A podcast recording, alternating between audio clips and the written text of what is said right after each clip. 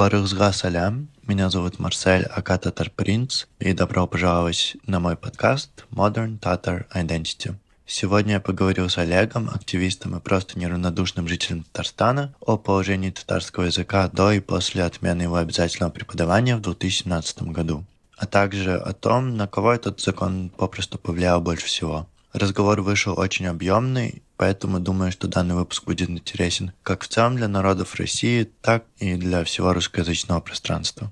Спасибо большое всем тем, кто поддержал нас донатами, так как эти деньги нужны для оплаты работы звукорежиссерки и покупки нового микрофона. Также напоминаю, что вы можете нас поддержать, перейдя по ссылке в описании. Приятного прослушивания, и я буду очень рад каждому комментарию, ибо сегодняшняя тема очень эмоциональная как для меня, так думаю и для многих. В начале выпуска небольшое интро на татарском языке, поэтому вы можете либо его просто послушать, или же перейти по тайм-коду сразу к части на русском. Приятного прослушивания. Лязатлянеп тынлағыз. Алек салям, хәләрен ничек? Барыгызга да сәлам. Марселгә рәхмәт мине Э, يدرس اسم مالك мен өзім татарстандықы иә нәрсе турында сөйлесеміз қайдан біз бірінші тапқыр таныштық ұшыраштық онлайн ұшыраштық қайда бұл бұл болды э, һәм қайда әйдә әйтик біз марсель белән твиттерда таныштык. Инде біз инде білмеймін инде бір үш ел бардыр инде.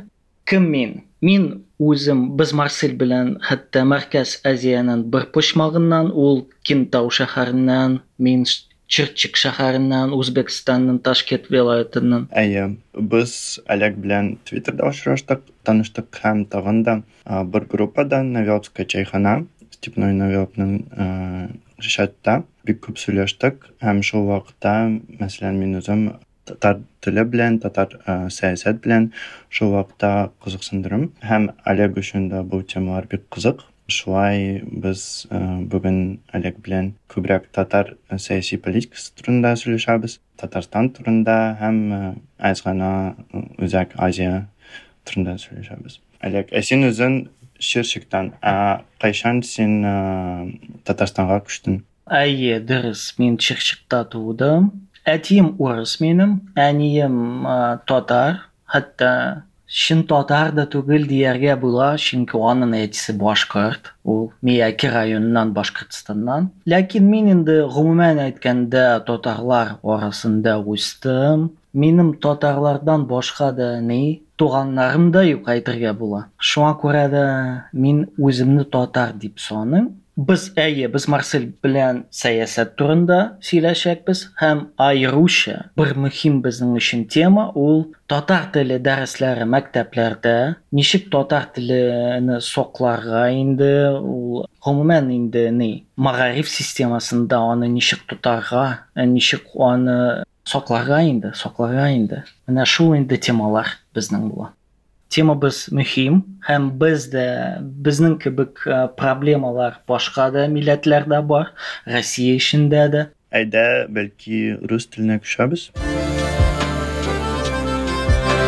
Дорогие татары, не обижайтесь, что мы перешли на русский. Это делается в том числе потому, что мы хотим, чтобы то, о чем мы говорим, дошло и до ребят, которые переживают те же схожие проблемы, и для всех, кто интересуется. И надо сказать, что не для обсуждения всех вопросов у нас хватит Марселем вокабуляра. Да, но, кстати, для меня это не проблема обычно, потому что я как-то именно с татарским очень взаимодействую принципиально. Когда я говорю по-татарски, я на русские слова не использую.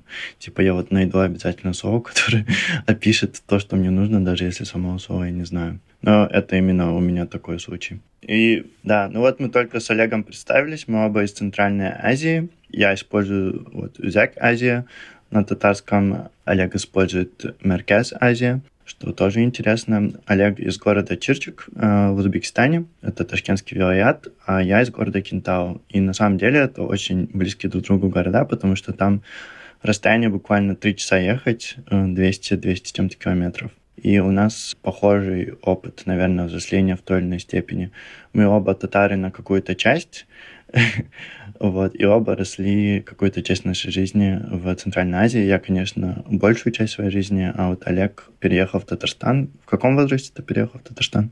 Все так, ты все правильно рассказал, только корректировка город Черчик на последний слог ударения. Переехал я в Татарстан в 13 лет, и переехал я сразу, учился год в сельской школе. Она была русская, но в основном там деле дети были татары, и это было первым для меня погружением в татароговорящую среду. А получается, в Черчике ты учился на русском языке? Все так, в Черчике я учился на русском языке, больше того, я скажу, что Ташкентская область в целом довольно русифицированный регион с большим процентом проживания русскоговорящих и русских в частности. А в моем родном Черчике, насколько я помню, из 25 школ узбекской была лишь одна и была одна частично казахская. Это к вопросу о, как сказать, русофобии в Узбекистане и невозможности там гонениях все в общем в ту сторону. А по факту, в общем, все образование в городе было на русском языке. Вплоть до моего отъезда. В моем случае в моем городе было две русских школы. Одна полурусская, полуказахская, две узбекские школы, и все остальные были казахские. Там в районе 20, наверное.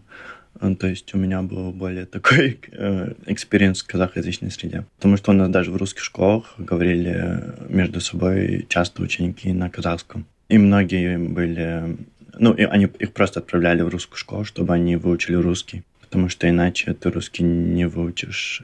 Но айда, поговорим про тему главную нашу. Начнем с нее, наверное. Почему в целом для тебя и для меня закон 2017 года является таким, не знаю, знаковым, важным. И не только для нас с тобой, я думаю, но для народов России в целом. Какие у тебя первые были взаимодействия вот с этим законом? Надо сказать, что когда я узнал о том, что этот закон, собственно, был принят, это раз. Во-вторых, я узнал о речи Путина в Ешкарале в 2017 году, когда он сказал о недопустимости обучения нерусским языкам русских детей. Он сформулировал это иначе, не родным языкам, детям, для которых эти языки родными не являются. Тогда я жил в Москве, и я этот конфликт наблюдал немножко со стороны, издалека, просто по доносившимся сообщениям СМИ оттуда. Вот об этом написала «Медуза», более-менее так старалась. Но это, конечно, все по моему сердцу ударило, потому что я понял, что доступность татарского образования даже не так. Речь же не идет о татарском образовании, речь идет о уроках татарского языка для школьников, в том числе для татарских школьников, она стремительно сократилась. И для меня это вопрос был, собственно, не про русских и не про то, что их обучают татарскому языку, а про то, что татарам для того, чтобы добраться к татарскому языку, стало больше преград. То есть нужно писать заявление. Престижность, собственно, татарского языка понизилась еще ниже. Она, прямо скажем, и так была невысокой в сырью социальных причин, социально-экономических причин в республике. Поэтому, конечно, я это все воспринял с тяжелым сердцем, э, с большой, если так можно выразиться, трагедией в душе. Да, в моем случае об этом законе я узнал, когда моя татарская идентичность э, в целом не была такой э, супер проявленной, можно сказать. Ну, то есть я всегда считал себя татарином, наполовину, по крайней мере.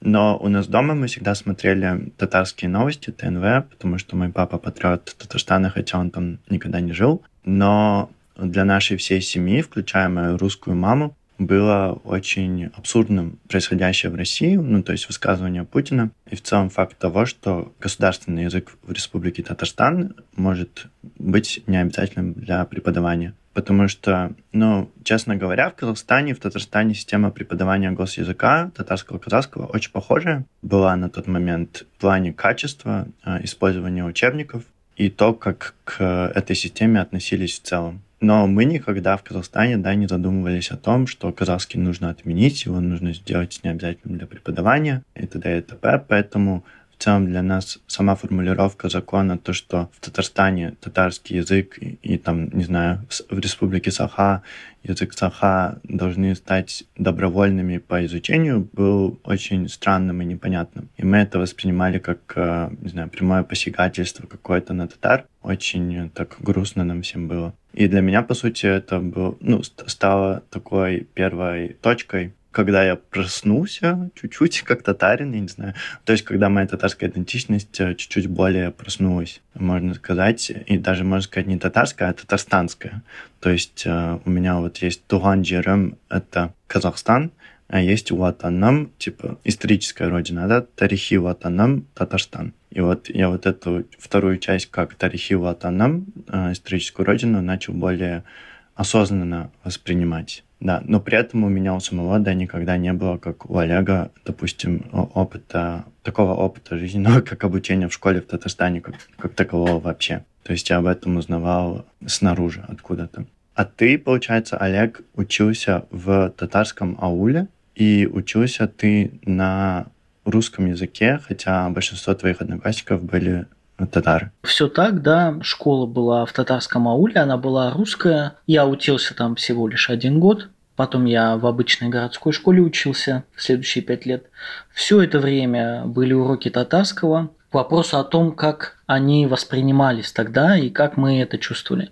Я не вспомню, чтобы эта проблема хоть как-то висела в воздухе, то есть она была обозначена. То есть в моем воспоминании не было проблемы того, что татарский язык как-то неприятен, уроки татарского недопустимы для русских детей или для детей, которые его не, не хотят изучать. Но нужно оговориться, что большую сумятицу в эту ввел процесс введения обязательного ЕГЭ.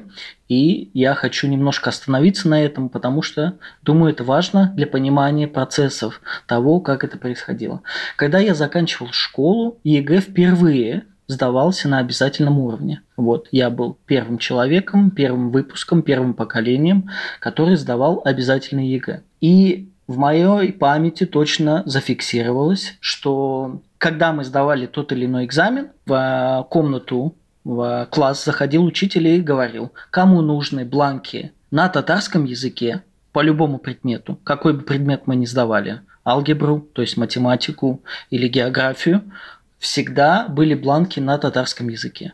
Вот сейчас эта возможность невозможно. Более того, одна из родительниц из набережных Челнов пыталась оспорить данное решение, то есть внедренное центральным правительством, федеральным, Москвой, назовите, you name it, в Конституционном суде в российском. И, конечно, ее иск был отклонен. Я не помню точно этот год этого разбирательства.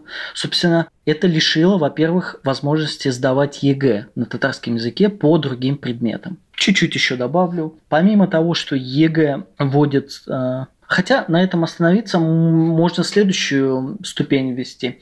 ЕГЭ по русскому языку в России используется как некий разводящий предмет. Что это значит? Это значит, что независимо на кого ты учишься, на математика, на географа, на геофизика, на инженера-химика любая специальность, не связанная ни с русским языком, ни с филологией, ты должен сдавать обязательно ЕГЭ по русскому языку, хотя русского языка кругом достаточно, и тебе он не нужен в такой квалификации высокой, которой это требует ЕГЭ по русскому языку, из-за чего создавался и долго кипел тот ажиотаж, с которым родители боятся, что вот их дети не смогут сдать нормальный ЕГЭ по русскому языку, поэтому все лишнее нужно отмести. Татарский как препятствие к этому рассматривается. Мы должны обратить внимание на то, что большая часть детей, несмотря на этот аргумент, часто звучащий, что а зачем им татарский язык, если они не собираются жить в Татарстане,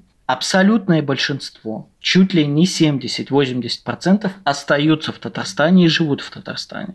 Если бы большая часть детей уезжала из Татарстана, бы в Татарстане бы никого не осталось. Эта проблема привела, собственно, к тому, что татарский ну, начал подпираться снизу. Вот. Наверное, я пока закончу. Ты можешь задать вопросы, а я еще один тезис добавлю к тому, как бы мы могли, собственно, попробовать решить эту проблему. Ну, вообще, если изначально начинать, да, какова была причина, ну, как подвелось к тому, что вообще был введен 2017, вот этот закон 2017 года. Родительницы русскоязычные в основном, то есть это были не обязательно русские, это были и татарские родительницы. Они начали писать письма в прокуратуру, как-то организованно, в том, чтобы их э, дети освобождались от уроков татарского языка. И определенные родители написали коллективное письмо Путину с обращением э, о том, э, чтобы татарский язык перестал быть обязательным для преподавания в Татарстане, потому что он влияет отрицательно да, на общую успеваемость у детей и возможность поступать в вузы по сдаче ЕГЭ. То есть на тот момент в Татарстане татарский, татарскому языку обучались точно так же, как русскому языку, в плане количества часов очень часто. И поэтому это был один из основных аргументов, то, что татарский язык, он забирает часы русского языка. И поэтому дети страдают и, и не могут э, сдавать там экзамены на хорошие баллы и поступать в вузы и не имеют те же возможности, как э, те, кто не учился татарскому языку. Вот. И получается, это привело к тому, что Рустам Миниханов да, делал официальное заявление по этому поводу. Не только Рустам Миниханов, но там министр образования Республики Татарстан, э, различные деятели. И эти заявления чаще всего, они были очень отрицательными по поводу вот этих обращений русскоязычных родителей, потому что основная суть заявлений представителей Республики Татарстан была, что татарский язык государственный в Татарстане и татарскому языку будут обучаться, ну, то есть его отменять ни в коем случае не будут. Но история этого закона шла несколько лет, и вот если просмотреть, я специально просто брал, просматривал заявление Рустама Миниханова по поводу этих обращений, и ви- очень видно, что как со временем, видимо, на него давит федеральное правительство Российской Федерации, и его подвели к тому, что он в итоге сказал, что да, наверное, э, все-таки татарский не должен быть принудительным в Татарстане, и, собственно, был введен этот закон. Но что тоже стоит отметить, на заседаниях правительства Татарстана, если просмотреть вот видеозаписи, потому что есть в свободном доступе, даже во время голосования против или за этот закон многие высказывались очень радикально против. Но в итоге по результатам голосования он э, получил абсолютное большинство. То есть дискуссия как таковой в обществе, в СМИ, он присутствовал. И он присутствовал против этого закона. Но в результате, да, это никак не повлияло, и федеральное правительство, оно, центральное московское правительство, оно все-таки победило, так сказать. Поэтому, когда я часто говорю об этом законе как таковом. Я больше говорю о том, что вот Москва берет на самом деле и убивает. Ну, то есть Москва является основной такой причиной этого всего. Да, и у меня, наверное, такой вопрос следующий. Давай вот поговорим о том, что привело к этому закону. Он же не просто так с бухты-барахты э, ЕГЭ ввели, родители забеспокоились, и он появился. Потому что все-таки есть какая-то история, из 90-х годов начинающиеся, что при, привело к тому, что татарский стал хорошо а, преподаваться в школах. Не, не всегда ведь так было. Да, я сначала отвечу на твой первый блок к тому, к движению за суверенитет и смены учебных планов, того, как вообще воспринималась модель обучения я вернусь. Наверное, ты прав в том плане, что инициатива, скорее всего, была не снизу, а сверху, об ограничении преподавания национальных языков в республиках а так называемый комитет сообщества русскоязычных родителей Татарии и его самые одиозные лидеры, они были использованы просто как, собственно, казус белли. Они как повод для того, чтобы эти нормы имплицировать. Если обратиться к тому, насколько это демократично было, сама норма о двуязычии, она закреплена в Конституции Республики Татарстан. И я полагаю, что было бы правильным как минимум может быть, я многого прошу, но такие вещи, например, выносить на референдум с общественной дискуссией. Потому что вопрос этот важный, и он затрагивает огромную часть татарской половины общества Республики Татарстан. Как я это вижу? Противодействие закону было довольно ощутимым, надо сказать, при том, что Москва напирала всеми возможными. Прокурор Ильдус Нафиков, такой известный манкурт, вот, который старается выслужиться перед центром, начал кошмарить учителей и противодействие было, то есть даже республиканские власти пытались саботировать этот процесс в меру своих возможностей. Был такой нелюбимой э, русской половиной Татарстана тоже я не могу. Радикальный русской половины Татарстана, не безгрешный министр образования Ингель Фаттахов, он со своей точки зрения, в силу своих полномочий, пытался как-то, собственно, спасти часы татарского. Но в этом противостоянии что мы должны для себя подчеркнуть? Что когда есть большой, огромный репрессивный аппарат московского центрального правительства, не нужно много поддержки снизу. Я не видел же, как сказать, таких масштабных, допустим, митингов в Татарстане против обучения татарскому языку.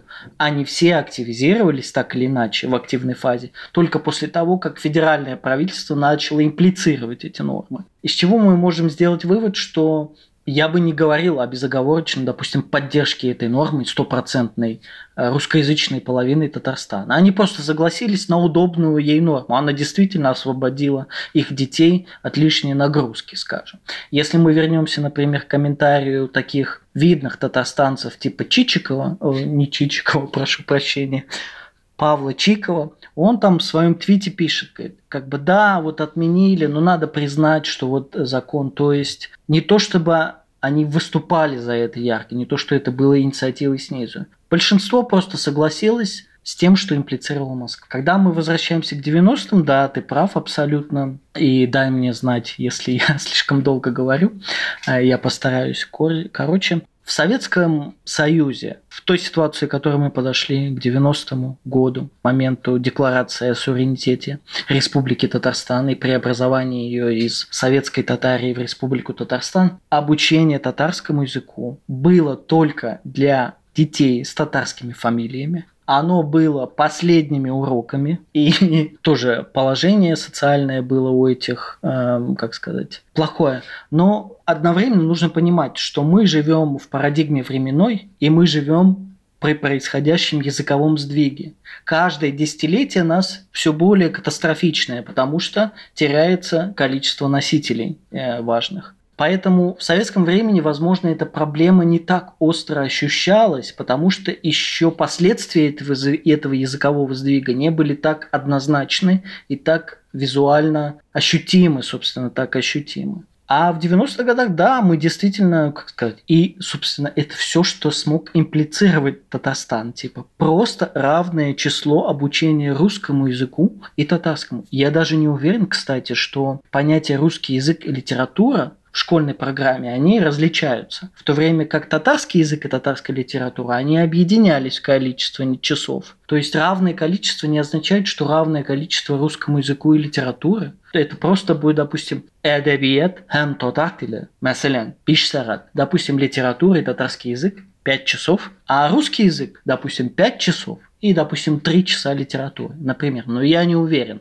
Даже если это равное количество, ну, две сопоставимых общины, татарская даже превышают. Они, как сказать, мы хотим передавать язык. И школа один из институтов, который помогает передаче и кодификации, возможно, а, при остановке хоть какой-то языкового сдвига. Насколько я знаю, в 89 году в Казани была всего одна татароязычная гимназия. Это была школа-интернат для детей-сирот можно увидеть в целом да, тенденцию, потому что когда мы говорим о татарском языке, мы же говорим не только о его преподавании в целом в государстве Татарстан, а мы говорим о том, есть ли возможность у татароязычных людей получить полноценное образование на татарском языке. И под полноценным образованием имеется в виду физика, математика, история, география, абсолютно все дисциплины на татарском. И вот в 90-х, мне кажется, Татарстан сделал очень много, чтобы вот из вот этого плачевного состояния советского выйти, которое началось, да, там с 50-х э, по 80-е годы,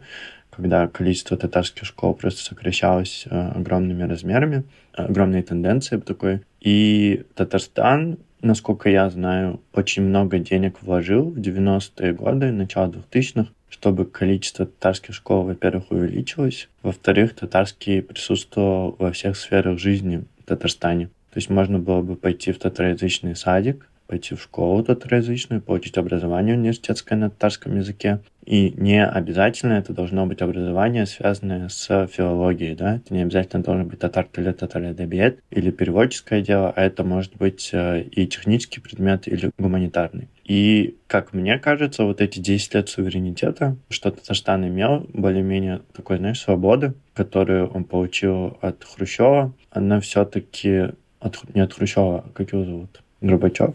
Горбачев, да. А, от, да, от Горбачева, сори. Оно все-таки дало вот свои плоды, очень хорошие. Закрепило, да. И поэтому я, я использую именно формулировку, мне кажется, наиболее подходящую, то есть как Москва убивает татарский язык. Потому что это не то, чтобы нечего было убивать, а вот существовала система, и существует еще система в той или иной степени, которые убивают. А это не так, что берут вот какое-то оставшееся, что-то там и добивают или ничего не делают. А тут именно берут что-то существующее, систему, которая работала в той или иной степени, может быть, не суперэффективно, но работала. И ее прям убивают и разрушают. И вот во мне лично вот это вызывает больше всего такое, не знаю, такой агрессии какой-то внутренней, потому что, да, это не то, чтобы ничего, не было, было нечего убивать. А что ты об этом думаешь? Ну, когда ты говоришь о том, что делала Республика Татарстан, конечно, нужно держать в уме, Марсель, что к тому моменту языковой сдвиг был на таком высоком уровне, и особенно в городских сообществах. Какие бы меры ни предпринимала Республика Татарстан, которые она могла делать или не могла делать, я считаю, что многое не было сделано, когда на то были возможности, скажем. Нужно признать, что наши власти, в том числе Какие-то проекты были супер успешные, скажем, лагеря Салят, если ты слышал про них. Это были летние лагеря для татароязычных детей. Это был относительно успешный проект, пытался. Но, например, школ татарского языка с полным циклом их так много и не появилось, Марсель. На всю Казань до сих пор действуют.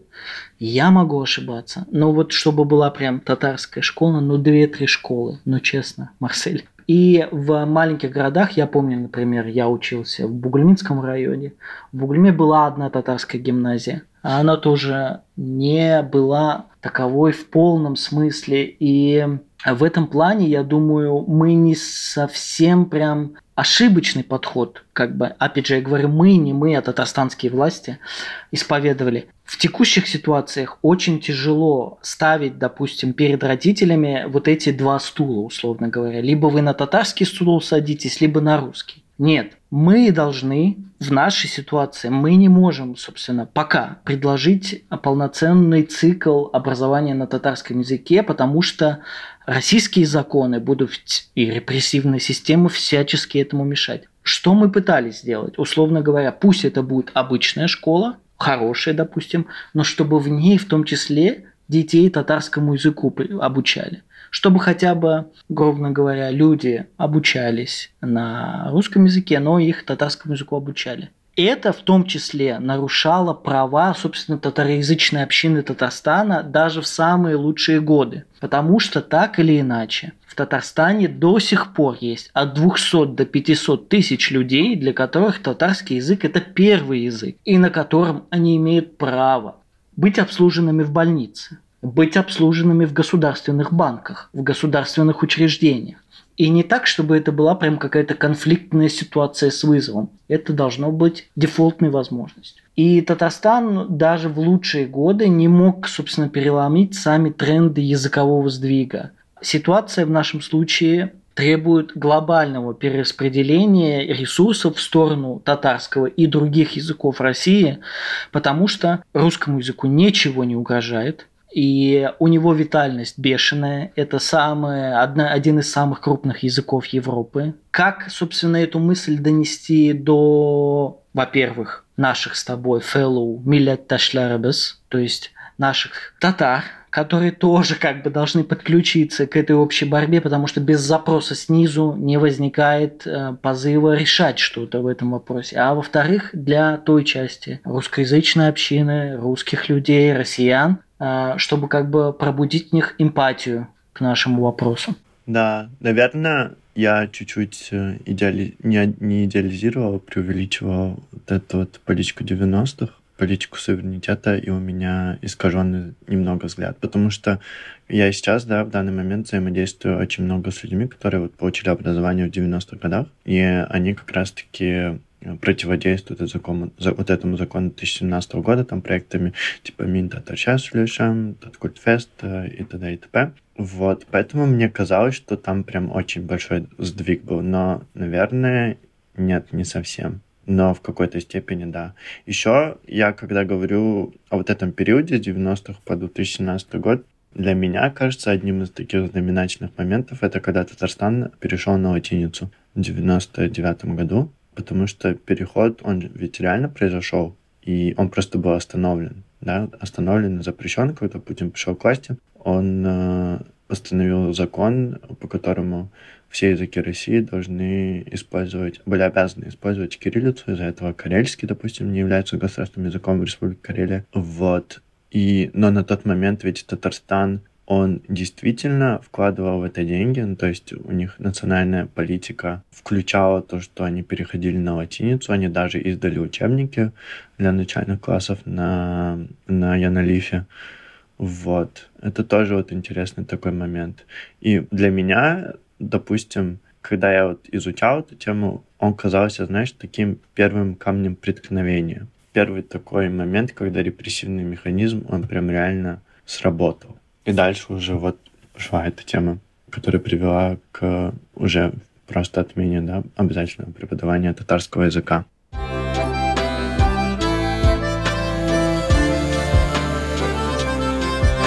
Если мы говорим о том, какие основные группы населения оказались под влиянием закона 2017 года, то часто, как ты уже сказал, да, это закон не о русскоязычных. Это закон в первую очередь о татароязычных, и какие их права нарушаются. И вот первая группа населения, которая оказалась под влиянием этого закона, это учителя татарского языка и татарской литературы. Потому что был тот культфак да, на, в Казанском университете, и эти люди попросту потеряли работу, потому что количество часов татарского было сокращено, количество людей, кому он преподавался, было сокращено, и эти люди, ну, что они сделали? Они переквалифицировались очень часто в учителей русского языка, что тоже вот такой интересный феномен, как мне кажется. Либо они просто потеряли работу. Второе, мне кажется, это просто, как ты уже говорил, уровень преподавания, да, ну, одно понятно, что количество часов сокращается, и ты меньше учишь, меньше у тебя усваивается. Но другая сторона — это то, что раньше, насколько я знаю, татарский преподавался в зависимости от уровня твоего знания. То есть были те, для кого это родной язык, а были те, для кого это не родной язык. Их делили на группы, и им преподавалось по-разному. А в данной ситуации, когда в целом, допустим, в классе там всего три родителя написало заявление о том, что их ребенок хочет учить татарский язык, то определенно им две группы не создавались. Если среди них есть один начинающий, двое advanced. Вот это еще один вопрос. И Третий, как мне кажется, как ты уже говорил, хоть в Татарстане, может, не такое большое количество было татарских школ, да, где полностью обучение велось на татарском, но они были вынуждены использовать учебники все на, на русском теперь, потому что федеральным законом русский язык должен был быть, да, по закону основным языком обучения всегда. И даже если преподавание в ауле велось или там в школе, в татарской школе велось на татарском, то учебники, которые дети были вынуждены использовать, они были на русском языке. И это тоже определенно влияет на вот эту группу всего населения, которая второязычная, хочет получить образование на татарском. Про учителей ты очень верно заметил, потому что огромное количество учителей либо потеряло работу, действительно, и это послужило целой цепочкой, потому что раз нужно меньше учителей, есть меньше бюджетных мест в университетах. Это происходит на фоне того, что закрывают, ну как закрывают, Казанский федеральный университет поглощает единственный вуз, в названии которого было слово татарский, татарский государственный гуманитарный педагогический университет, в котором были, кстати, так или иначе программы по обучению учителей английского, других предметов. Полностью на татарском. Ну, это чтобы учителя были для... Они вели свои предметы на татарском языке. Вот. И его поглощает Казанский государственный университет, что несет за собой сокращение ставок, сокращение. То есть это, это процессы, которые шли параллельно, и они, конечно, в той или иной степени, их катастрофичность придется оценить уже немножко позднее, хотя мы уже и сейчас видим, что это будет, собственно, не очень хорошо, потому что я прям всем вижу этих Опалар, Миникова Апалар, Резида Сиреневна, Гульназира Махсумовна, они все так или иначе либо потеряли работу, либо представляешь, ты учительница татарского, и тебе нужно преподавать русский, у тебя, естественно, это не всегда хорошо получится, и это лишний повод для нападок для родителей, дискриминационных высказываний, то есть эти сельские татары и так или иначе. С противодействием было то есть, э, я думаю, э, люди, когда люди говорят, что я эту ремарку видел у репортажа у Ильи Азара про то, как Татарстан пытался сопротивляться отмене э, наименования президента для главы республики. Вот. Очень тенденциозный репортаж, и там прям звучало, а что же вы за татарский язык не боролись? Ну, на самом деле боролись. То есть, на, как ты и сказал, на первых этапах даже Миниханов пытался противодействовать этому. Просто баланс сил, очевидно, не в нашу, опять же, в нашу, не в республиканскую сторону. Павел Шмаков, я не знаком, собственно, с тем, как он управлял своей школой, какого рода он директор, потому что есть мои знакомые, которые говорят, что не все гладко в его управленческом стиле, но для меня он как человек поступок, конечно, в своем трейде в Твиттере я как-то писал, что человек, который пытался в противодействии с прокуратурой вступить и оставить равное количество часов татарского и русского языка, это для меня, конечно, герой уровня Робин Гуда, не побоюсь это сказать. То есть человек, будучи русским, постарался выйти за габитус своей идентичности, своего мировосприятия и проявить эмпатию к нацменьшинству. Вот. Для меня, конечно, он герой. Мне, кстати, кажется, что факт того, что он русский, был причиной отчасти этого, потому что если бы это делал татарин, тогда этого татарина бы обвинили в национализме, сепаратизме, и в целом он был такой более уязвимой группой. А если это делает русский, который защищает татарский язык, то тут уже очень сложно обвинить в национализме и сепаратизме. И это также, знаешь, работает с ЛГБТ-активизмом, потому что когда гетеро человек, да, не, не идентифицирующий себя как ЛГБТ, начинает заниматься э, ЛГБТ-повесткой, для него это очень несложно в плане того, что он не получает столько негатива от общества а потому что он всегда может сказать, ну я сам гетеро, но я поддерживаю. Вот. То же самое, ту же формулировку Шмаков использовал, потому что он говорил, ну я русский, но защищаю татарский язык, потому что считаю, что он важный. И мне кажется, такое, это, это очень интересно, потому что даже после введения закона Рустам Миниханов сам лично выказал ему благодарность отдельную.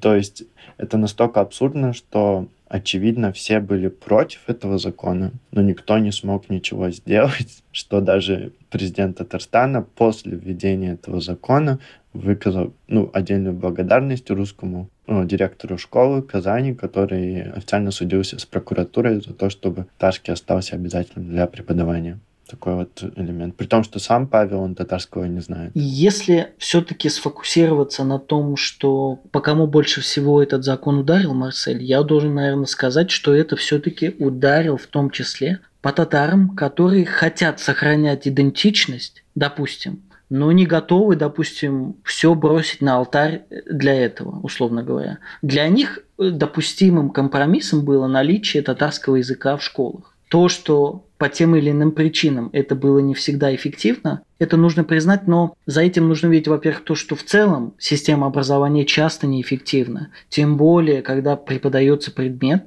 язык, у которого статус престижа гораздо ниже, чем другие. Почему я говорю, что этот закон ударил в первую очередь по татарам? И это вообще про татар закон, а не про русских. Потому что он нарушил доступность к этому образованию. Будем честны, когда я учился в школе, с русских не драли три шкуры, им ставили их четверки, то есть их даже тройки не ставили в большинстве случаев. Кто проявлял, как сказать, какую-то активность и пытался учить, тех поощряли. А у кого не получалось, тех не наказывали. Вот мой опыт в школе так говорит. Доступность татарского языка в школах – это про доступность и про равенство возможностей двух языков для двух общин. Это не про русских.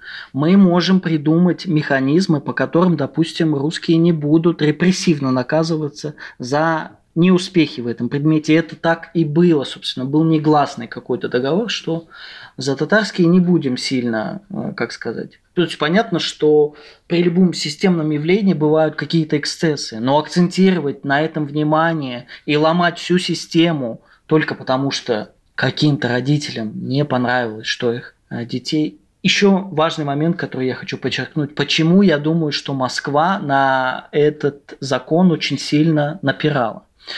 Он в том числе про то, что так или иначе, Миншуаберный урнак этим, я этому пример. Этот закон помогал вовлекать в общую татарстанскую, татарскую идентичность людей, которые изначально не принадлежали к ней. И без аппарата насилия, условно говоря.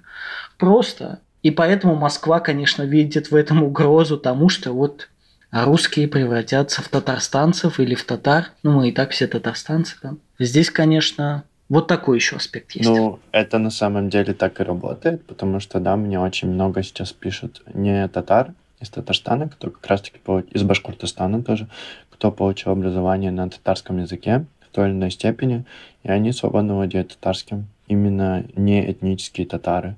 Еще был такой интересный момент. Мне недавно через... Вот у меня есть группа татар там написал мальчик, э, азербайджанец, что он сдает, делает олимпиаду по татарскому языку. Вот сейчас, именно сейчас. И он попросил какой-то помощи на такой интересный момент. Значит, все, все-таки еще они, татары, некоторые учат татарский язык. А когда вот мы говорим про противодействие да, этому закону, типа понятно то, что э, были какие-то митинги, были какие-то пикеты в Казани в основном против этого закона, которые, очевидно, да, ни к чему не привели, потому что изначально они были обречены на провал из-за того, что федеральный, ну, судьба была предрешена, так сказать, Москвой. Но ведь также были более масштабные какие-то акции, которые были как бы созданы и инициированы, тоже затриггерены этим законом, и не только со стороны активистов, а вот со стороны Татарстана. И да, вот что ты про это скажешь? Я скажу, что мы немножко выйдем за пределы Татарстана и проявим солидарность с нашими братьями, соотечественниками, другими э, народами, которые живут в России. Конечно, нельзя не упомянуть поступок Альберта Разина, его самосожжение, сколько злорадства на него вылилось. Конечно, мы, как нацмены внутренние российские, должны так или иначе эту дату не забывать, всячески напоминать о том, что случилось. А расскажи, кто такой Альберт Разин, для тех, кто не знает. Альберт Разин – это удмуртский активист, так или иначе, я думаю, ученый, можно, наверное, сказать, гуманитарий, в общем, представитель удмуртской интеллигенции, который после как раз-таки того закона 2017 года, хотя другой удмуртский активист Артем Малых говорит, что в Удмуртии ничего и не изменилось, потому что в Удмуртии и до этого не было обучения удмуртскому языку на обязательной основе. Вот. Он после этого закона в протест против того, как э, центральное правительство, федеральные власти ведут языковую политику в Удмуртии в том числе, он себя сжег на площади перед, я могу ошибаться, то ли перед Ижевским горсоветом, то ли перед парламентом Удмуртии. Он себя сжег, и это, конечно, очень отозвалось тоже и в моем сердце, я думаю, в сердцах и головах тысячи людей нерусской национальности или так или иначе понимающих то, что происходит э, в России. Да, это был довольно широкий поступок. И, конечно, мои мечты о будущем устройстве Российской Федерации, либо о Республике Татарстан, конечно, говорит о том, что и улицы в честь него будем называть, и э, так или иначе. И у, у него еще было написано на плакате до сожжения. И если завтра мой язык исчезнет, то я готов сегодня умереть. Что мне кажется очень такие важные слова. Да, да, да. И это, кстати, строчки Расула Гамзатова. И тоже сравнивать, наверное, не то чтобы можно, но это говорит о некой пассионарности людей, которые, собственно, и важности проблемы. То есть я не припомню, чтобы, допустим, мы не, не из, как сказать, неизменно придем к этой ситуации, допустим, чтобы, допустим, представители русскоязычного сообщества, русского сообщества как-то, собственно, нет, ладно, это, собственно, в общем, для меня это довольно важный маркер того, в каком отчаянном положении, да, собственно, находятся языки в России. Да, но если вот я могу с своей перспективы еще тоже рассказать, да, с точки зрения борьбы. борьбы. Как я начал учить татарский язык изначально? Это через портал Анателя. Это такой вот сайт, который спонсируется Татнефтью и Министерством образования Республики Татарстан, где можно учить татарский абсолютно бесплатно с преподавателями из Казанского университета. И там есть типа listening, reading, writing, speaking, и ты получаешь бесплатные уроки абсолютно бесплатные от людей каждый день, буд, каждый будний, будний день. И вот на самом деле нет ни одного языка, который можно так учить. Да? И с преподавателями главного вуза страны бесплатно в такой системе онлайн, э, что есть очень круто. Я думал то, что этот закон, ну, этот сайт вообще, этот портал появился по инициативе Республики Татарстан после введения закона, но я узнал, что нет, абсолютно нет, он существовал уже давным-давно, этот сайт, просто он, возможно, не такой популярный. И его руководительница, главная Кадриапа, то есть моя краш э, из Казанского университета, которая разработала эту методику преподавания татарского языка. Потому что очень часто же, да, в, в аргументации закона люди мне говорят, пишут э, то, что сама методика преподавания была ужасной татарского языка, и они мучились, ничему не, не научились, и очень хорошо то, что его отменили. И мне кажется, мы вот тоже должны затронуть эту тему, почему этот аргумент не является валидным, или в чем его проблема аргумент, аргумент, который довольно тяжело, собственно, бить, действительно. Я попытаюсь ответить так, собственно, во-первых, есть какие-то подвижки в, этой, в эту сторону. Есть новое поколение учебников татарского языка для людей, которые этот язык не является родным или дефолтным, ну, так называемые учебники салям. Вот. Во-вторых, есть, собственно, портал Уанателе, да, и это беспрецедентно, собственно говоря, то, что действительно здесь нужно сделать ремарку. Почему еще важен федерализм так как таковой? На это есть ресурсы, Марсель. Пока, пока. То есть шаг за шагом, например, ты, наверное, знаешь, что, что Таиф отняли, отжали, просто так отдали госкорпорации Сибур. А Таиф тоже был одним из важных налогоплательщиков Республики Татарстан. Мы приходим к тому, что по мере того, как Татарстан будет дальше разувать, не будут просто денег на этого. То есть и так на это тратятся какие-то сущие копейки по сравнению с проектами для всех. Например, программа парков и скверов, и скверов Татарстана в год тратила до 40 миллиардов рублей. Марсель. Это хорошая вещь. И это хорошо, что наша республика, то есть даже в маленьких городах благоустройство пространства идет. Но просто цифры несравнимы с тем, что мы хотели бы.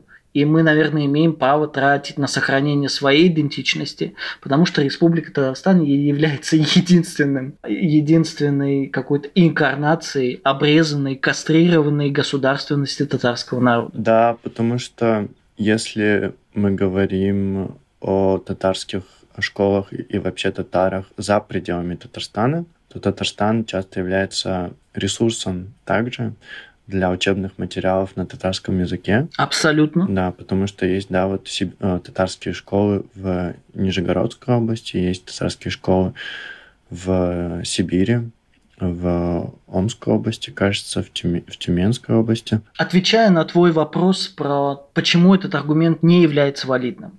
Во-первых, давайте мы посмотрим на учебники русского языка. Я могу адресовать к своему опыту, когда я учился в школе. Извините меня, они были ужасными. Почему русский так хорошо знается? Это не потому, что русский хорошо преподается в школе. Просто вся доминирующая среда вокруг русская. Опять же, мы приходим к тому, что мы, по идее, имеем право на свою половину татарской среды вокруг нас в Татарстане или в районах компактного проживания. В том числе все, что возможно, должно дублироваться на татарский без вопросов. Это должно тратиться на это деньги. Опять же, это ресурс. Должны наниматься переводчики, должны наниматься татароговорящие сотрудники. То есть, условно говоря, в каждой пятерочке и магните должна быть касса татарского обслуживания. В каждом Сбербанке должно быть окошко татарского обслуживания. Это создаст, во-первых, спрос на татарский язык в этих сферах. Отсюда пойдет уже спрос и в школах. Более того, мы должны учителей татарского и сотрудников татарского премировать, положительно поощрять. Это и Казахстана касается. Казахоговорящих сотрудников, татароговорящих сотрудников. Чуть-чуть, но больше они должны получать в текущей ситуации, когда идет языковой сдвиг. Вот. Но как это довести до общества, я не уверен, что люди вообще готовы к такому дискурсу, хотя это довольно справедливые требования. Да, ну, когда мы говорим именно про учебники, да, и методику преподавания языков в республиках России, национальных, или же даже просто в странах СНГ, э, постсоветского пространства, то это очень похожая история для многих.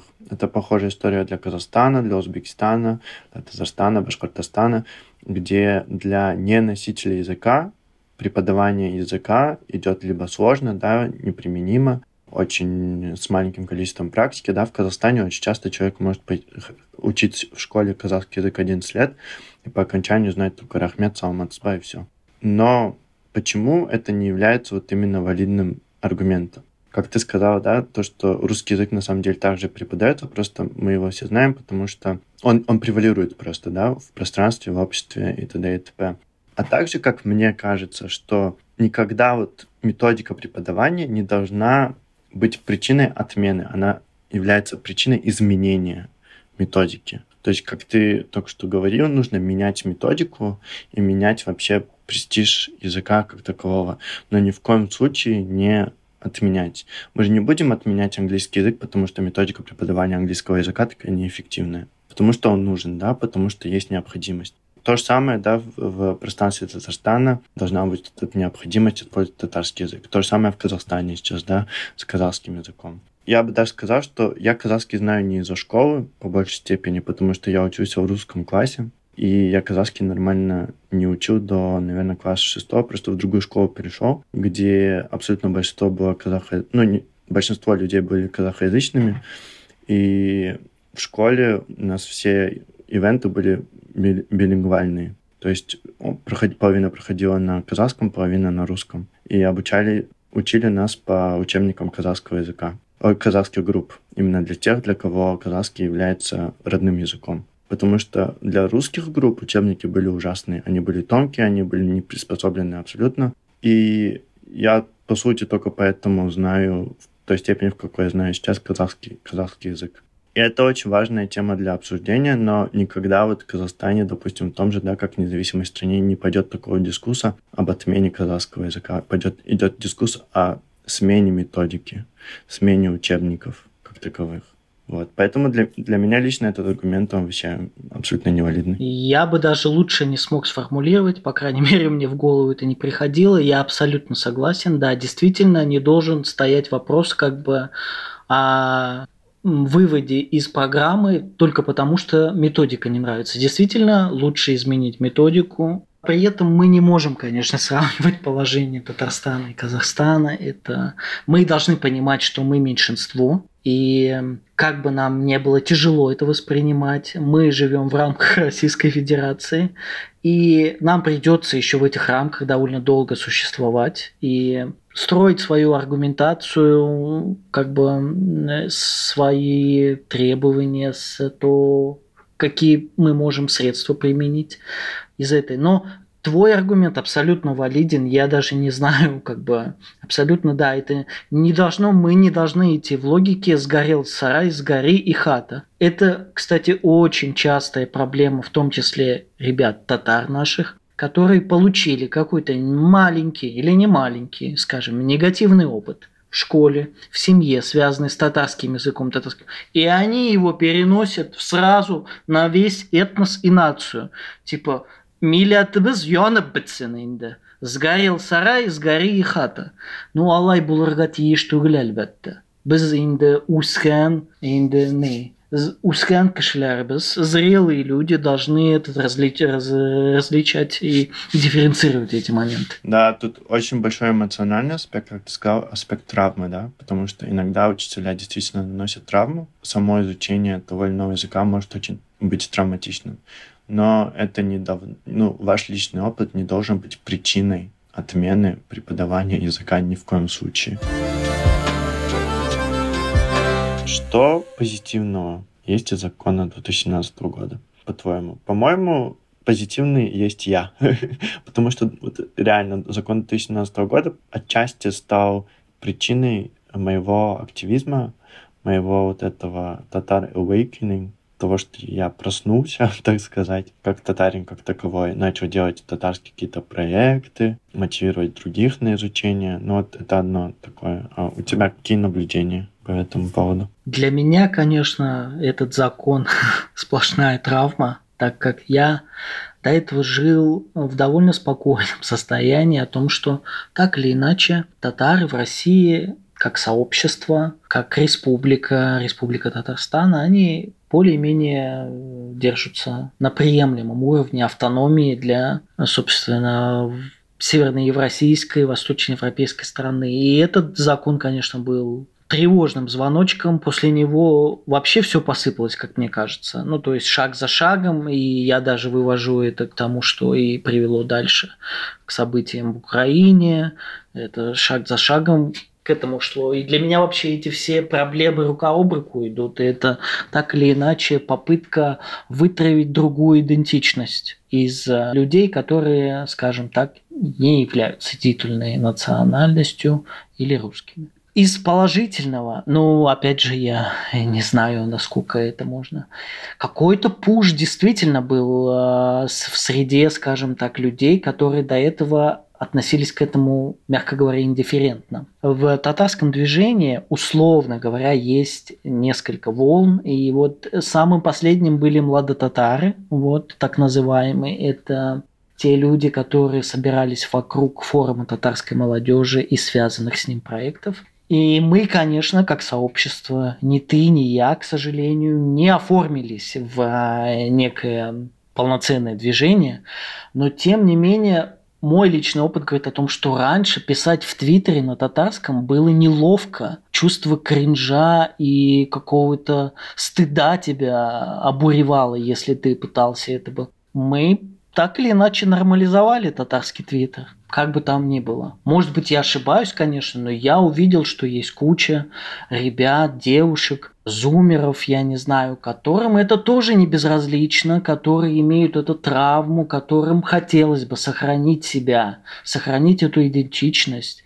И для меня лично, для меня лично, это, все это произошло, скажем, в 2017 году. И Ира Смелая, и певица Айгель, это все так или иначе артисты, которые свои творческие проекты в том числе посвятили тому, что языки в России погибают, и идет огромный языковой сдвиг, и обществу российскому, это моя позиция, нужно понять, что проблемы этнических, национальных меньшинств – это проблемы всего общества, нельзя от них отмахиваться. Если давит, собственно говоря, татар, то давит и представители квир-сообщества, ЛГБТ-сообщества. Это все. И нам, в том числе, на представителей нацменьшинств, нужно понимать, что проблемы тех или иных сообществ – это и наши тоже проблемы. И из положительного, наверное, вот это могу выделить. Ты можешь добавить, и мне, возможно, придут в голову еще другие примеры. Да, но, кстати, я про Айгель отмечу, потому что она в своих интервью, а, наоборот, опровергает. Она говорит о том, что плачевное положение татарского языка не стало мотивацией ее альбома «Пуяла». Она просто его сделала, потому что она ощущает себя в татарском языке более свободно, и в целом он отражает да, какую-то часть ее, поэтому она училась в татарской школе, она ну, у нее были уроки татарского, татарской литературы, и она вот вспоминает с любовью свою учительницу татарского языка. Это, кстати, тоже такое очень большое явление, потому что те татары, которые прям очень хорошо владеют своим татарским языком, они не всегда, вот, они не всегда знают его, потому что в их семье на нем говорили. Они часто знают его, потому что они получили хорошее, грамотное образование в школе на татарском языке. И потому что у них были учителя, которые привили им вот эту любовь к татарскому языку. Потому что я очень много таких примеров, по крайней мере, знаю. А еще вот Айгель говорила о том, что она даже вот думает, что закон 2017 года, он правильный для меня, я, конечно, когда это слушал, чуть-чуть кринжанул, потому что, ну, я крайне с этим, с этим не согласен. На что она там говорила, то что да, вот язык, опять те же аргументы, да, язык должен быть добровольным э, и т.д. и т.п. Просто закон неграмотно сделан. Скорее, у нее была такая формулировка. Вот. Из положительного, что я могу сказать, да, действительно появился такой феномен, как татар-тви, да, то есть э, сегмент Твиттера, где люди просто пишут, общаются на татарском, говорят про татар. И, может, для кого-то это было кринжовым в какой-то момент, и люди, у людей просто не было спейса, где говорить на татарском, для них Твиттер стал таким спейсом. От этого, мне кажется, образовалось от закона отчасти огромное количество низовых активистов в целом, которые делают свои маленькие небольшие проекты, да, влияют на какое-то маленькое нишевое сообщество, как, допустим, я, и вносят свою лепту но вот такого прям сильного движения партии да, за, за татарский язык. А в рамках Татарстана, может быть, и есть, я не знаю, но были скорее группы каких-то татарской молодой интеллигенции, которые в рамках Татарстана еще могут, могли, э, может быть, до войны делать э, какие-то проекты, как Таткультфест, развивать э, контемпорари музыкальную сцену на татарском в целом. И потому что вот это ощущение потери татарского, оно стало просто более близким, ощутимым. Оно прямо здесь перед тобой. И ты начинал вот об этом говорить, о том, что ты видишь изменения на примере своего аула. То, что когда ты приезжаешь, да, ты смотришь на то, как на каком языке дети говорят, и вот это вот все более и более заметно становится. Э, я записывал подкаст с Ильшатом Саитовым, режиссером. Он из Ознакаемского района, и он сказал, сказал тоже такую интересную вещь, э, что он тоже видит вот этот переход, как э, если до этого Ознакаемский район, он знаменит тем, что там живут там, чуть ли не 90% татар, и именно татароязычных татар. И если ты хочешь выучить татарский язык, то обычно ты идешь туда. Но даже сейчас вот э, молодые поколения, они не говорят между собой на татарском, дети.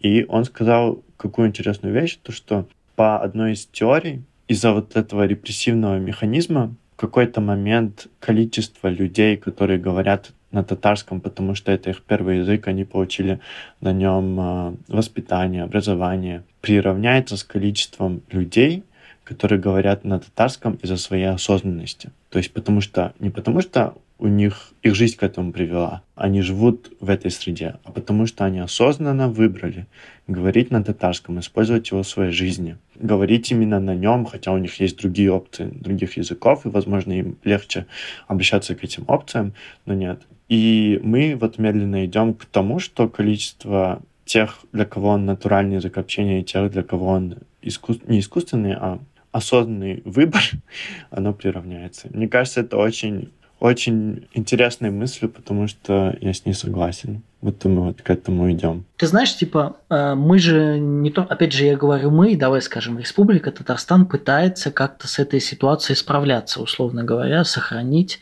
И один из важных аспектов, например, это создание школ, условно, в которых бы хотели идти люди, вот, и в которых татарский язык, допустим, преподается. Хотя бы как предмет или количество, допустим, в той самой Адамнар, я не знаю, какие у нее есть проблемы, но я слышу, что было как минимум э, намерение, допустим, до четвертого класса окружающий мир, предметы или естествознание преподавать на татарском. Какую-то часть предметов. И мы тут сталкиваемся с, э, э, как сказать, с рамкой законной, легалистской, которая просто бьет, перебивает все усилия Республики Татарстан, потому что Согласно этому закону, вроде, мы должны принимать в любую школу людей, которые прописаны в ближайшем округе образования, ну, допустим, районе. И эти люди не всегда осознанно идут в академию, а, в, как сказать, в школу Адамнар для того, чтобы их дети владели в том числе татарским, помимо тех языков и предметов, которые им даются. И они начинают саботировать этот процесс просто-напросто. Они просто говорят, мы не будем изучать татарский, они обращаются в прокуратуру, и таким образом я не знаю, как из этой институциональной рамки выпрыгнуть, условно говоря. Что мы можем сделать, чтобы это легким образом не саботировалось? Какую норму нужно исключить из текущего законодательства, чтобы мы хотя бы могли а татары, я не знаю, насколько мы патентная нация, но я уверен, что одну школу в Казани, даже не одну, а одну в каждом городе, мы выстоим. Но чтобы нам туда не приходили родители, которые не хотят изучать татарский язык, и все равно, чтобы они туда приходили, просто потому что они прописаны поблизости. Как этот момент отработать, я не знаю, если честно. Да, вот то, о чем сейчас Олег говорил, это одна из методик, которые Татарстан использует для да, сохранения преподавания татарского языка, это создавание, создание полилингвистических гимназий. То есть где из-за того, что гимназия лингвистическая, там как бы преподают как предмет татарский язык, возможно, какие-то предметы еще на татарском языке обязательно, потому что это лингвистическая гимназия, особенная гимназия. И про кейс, который Олег сейчас сказал, это русская родительница отдала своего ребенка в эту школу по прописке. И потом подала прокуратуру заявление, потому что ее ребенка заставляют в этой лингвистической гимназии изучать татарский язык. Вот. Насколько я знаю, как они с этим случаем справились, это то, что просто этот ребенок отдельно не ходит на урок татарского языка. Все. А, но я не уверен. Нужно посмотреть еще. Ну, дело в том, что это, во-первых, не единичный кейс. Таких родителей много, Марсель, и они совершенно не хотят понимать, не проявлять э, никакую, допустим, эмпатию, что для нас это единственный способ хоть в каком-то, в какой-то сфере нашей общественной жизни сохранить татарский язык.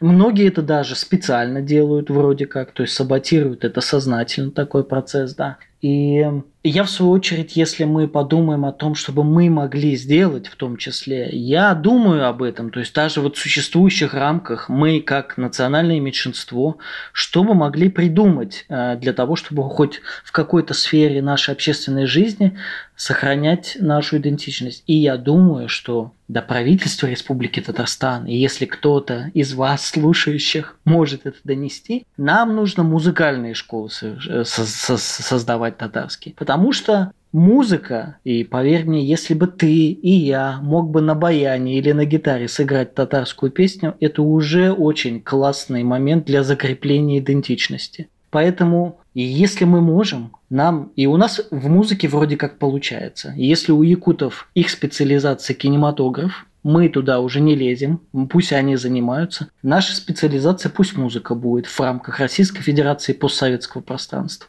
И если даже при текущем раскладе какое-то количество исполнителей выстрелило у нас, хотя, допустим, осетины тоже выстрелили, но они не на своем языке часто поют, то нам нужно как-то этот момент институционально, правительственно поддерживать, либо частная инициатива. Создать что-то, придумать хотя бы онлайн-школу для татарских, не знаю, чтобы детей обучали в том числе языку и музыке музыки национальной. Вот. Это вот, вот моя такая мысль, что это могло бы хоть каким-то путем понятно, что она институционально такая мера не решает крупных задач.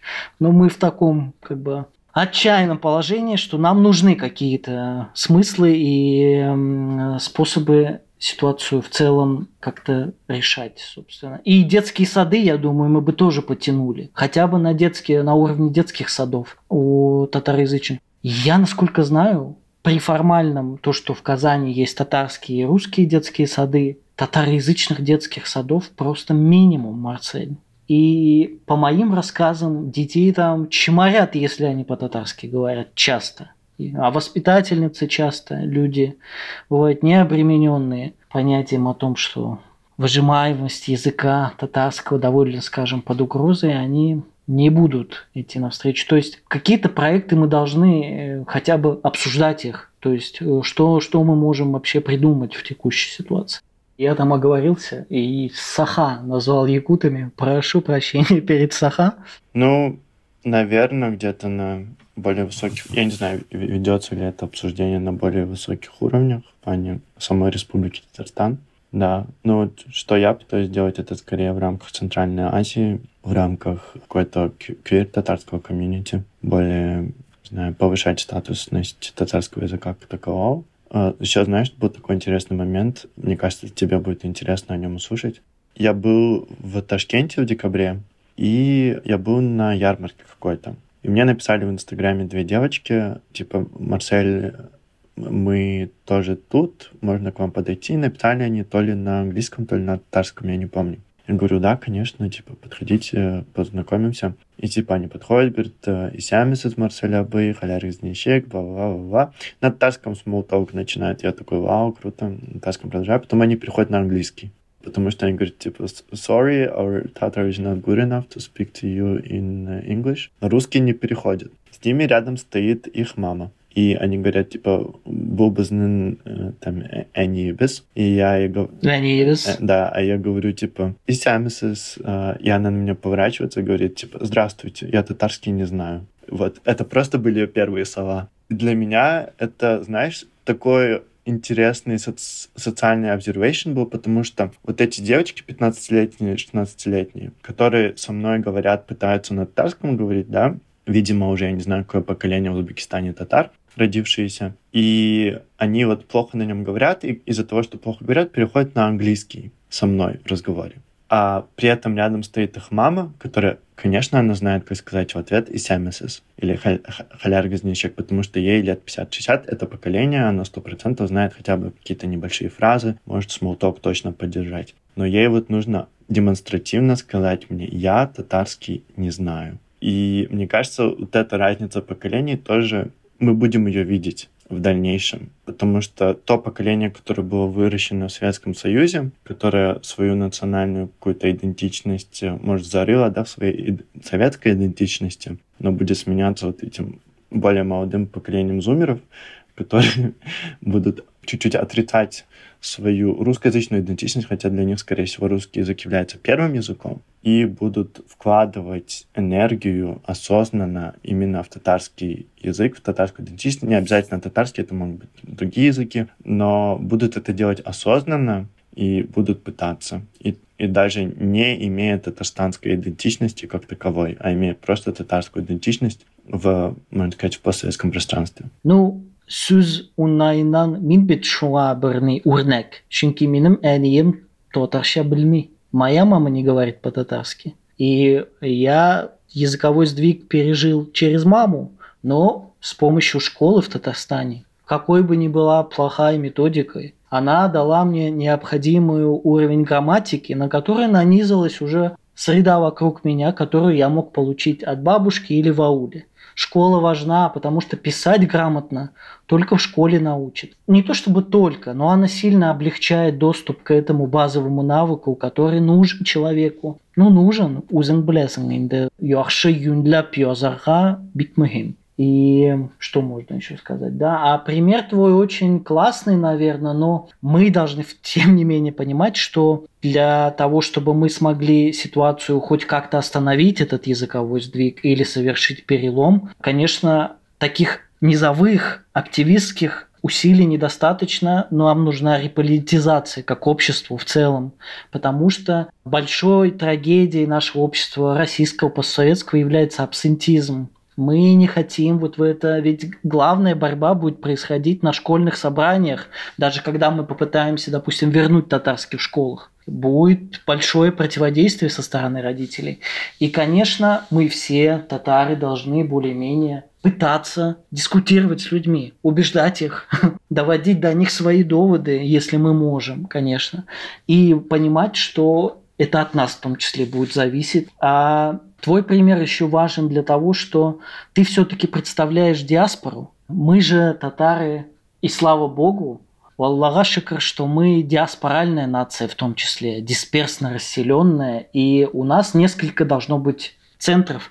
Не все то, что мы можем себе позволить сказать, будете вы произносить, потому что мы здесь внутри на других условиях находимся. И хорошо, что вы есть, собственно, что есть диаспоральная часть нашего народа, которая нас представляет так или иначе. И я на самом деле очень рад, но также нужно понимать, что здесь на Земле другой, другая оптика, и по-другому приходится действовать в других рамках. И, собственно, да, это вот такое есть у меня замечание. Да, ну это очень интересно, потому что если думать в глобальном масштабе, да, не, не в масштабе каких-то личных историй, низовых, низового, низового активизма, а в формате госструктуры, как может вернуться татарский язык в Татарстан как таковой, у меня в голову приходит только то, что текущие события, текущая война в Украине, она закончится неблагоприятно для России, да, либо усиленной федерализацией, усиленным суверенитетом Татарстана, либо совсем то, что Российская Федерация перестанет существовать в том виде, в котором она существует сейчас. Но я не знаю, в тех рамках, в которых сейчас находится Татарстан, в тех рамках московских, в которых он находится, я не вижу возрождения, не знаю. Так или иначе, какой бы сценарий не реализовался, нам придется работать с тем, что будет, не опускать руки, и это наша судьба, так или иначе. Э, я часто, я часто слышу от э, ребят, татар в Твиттере, там, какой-то закон приняли, их все пропало, все, и дальше не стоит даже смотреть. Нет, ребята, извините, это наша судьба. Махать все время руки, и вот все пропало, и теперь не стоит ничего делать. К сожалению, нет. Так или иначе, и это судьба, судьба нашего народа. И мы здесь можем к знаменитому тексту Аль- Альфрида Бустанова вернуться о постнации. Так может произойти, что последние институциональные э, барьеры, какие-то наши зацепки отнимут у татар в Татарстане, вплоть до, как сказать, э, отмены или ликвидации республики, преобразования, любых вообще. Мы можем оказаться в очень плачевном состоянии, но так или иначе, такие люди, как ты, я, должны будут в какой-то степени убеждать людей, что нужно продолжать действовать даже в текущих рамках. И как бы ситуация не повернулась, я, если честно, не верю в положительный исход текущих событий для татарского народа. И я Хотел бы, чтобы федерализация коснулась России, но вполне возможно и даже более негативные сценарии. Поэтому нам придется работать в любых условиях, и даже если нам оставят только гармошку и пляски на сабантуй, что поделаешь, как бы. Я не говорю, что это, как сказать, вообще очень важно, конечно, надежду подарить людям. И в твоих словах действительно есть хорошее зерно надежды о том, что так или иначе, без даже старого олдового татарского этнического национализма, есть новое паство ребят, тех самых 15-16-летних ребят, которые, для которых татарский язык и культура, для которых саха язык и культура, для которых удмурский язык и культура, чувашский язык и культура. Это, кстати, тоже важный момент соприкосновения. Возможно, нам куча придется взаимных претензий преодолеть, чтобы слепиться в какое-то единое тело, чтобы конфедерацию хотя бы в рамках Российской Федерации организовать, чтобы как-то себя представлять более явно. Да, тем более вот эта фраза «милят бите», к э, какому Millet biteğinde уже брики yüzyıl. Әлбәттә бите инде. Нишлибез, нишлибез. Безнең башка не. Юлыбыз, юлыбыз юк. Так или иначе, так или иначе, ведь мы с тобой представляем тех людей, для которых это важно, несмотря ни на что, которые с этого никакой выгоды не получают, условно говоря. Ну, а по крайней мере, ощутимо. Какой-то социальный капитал мы зарабатываем. В любом случае есть люди, которые сочувствуют нашим идеям. И, вот. и для нас э, важно, опять же, я, я говорю как э, татарин из России, у вас должен быть другой взгляд диаспоральных татар.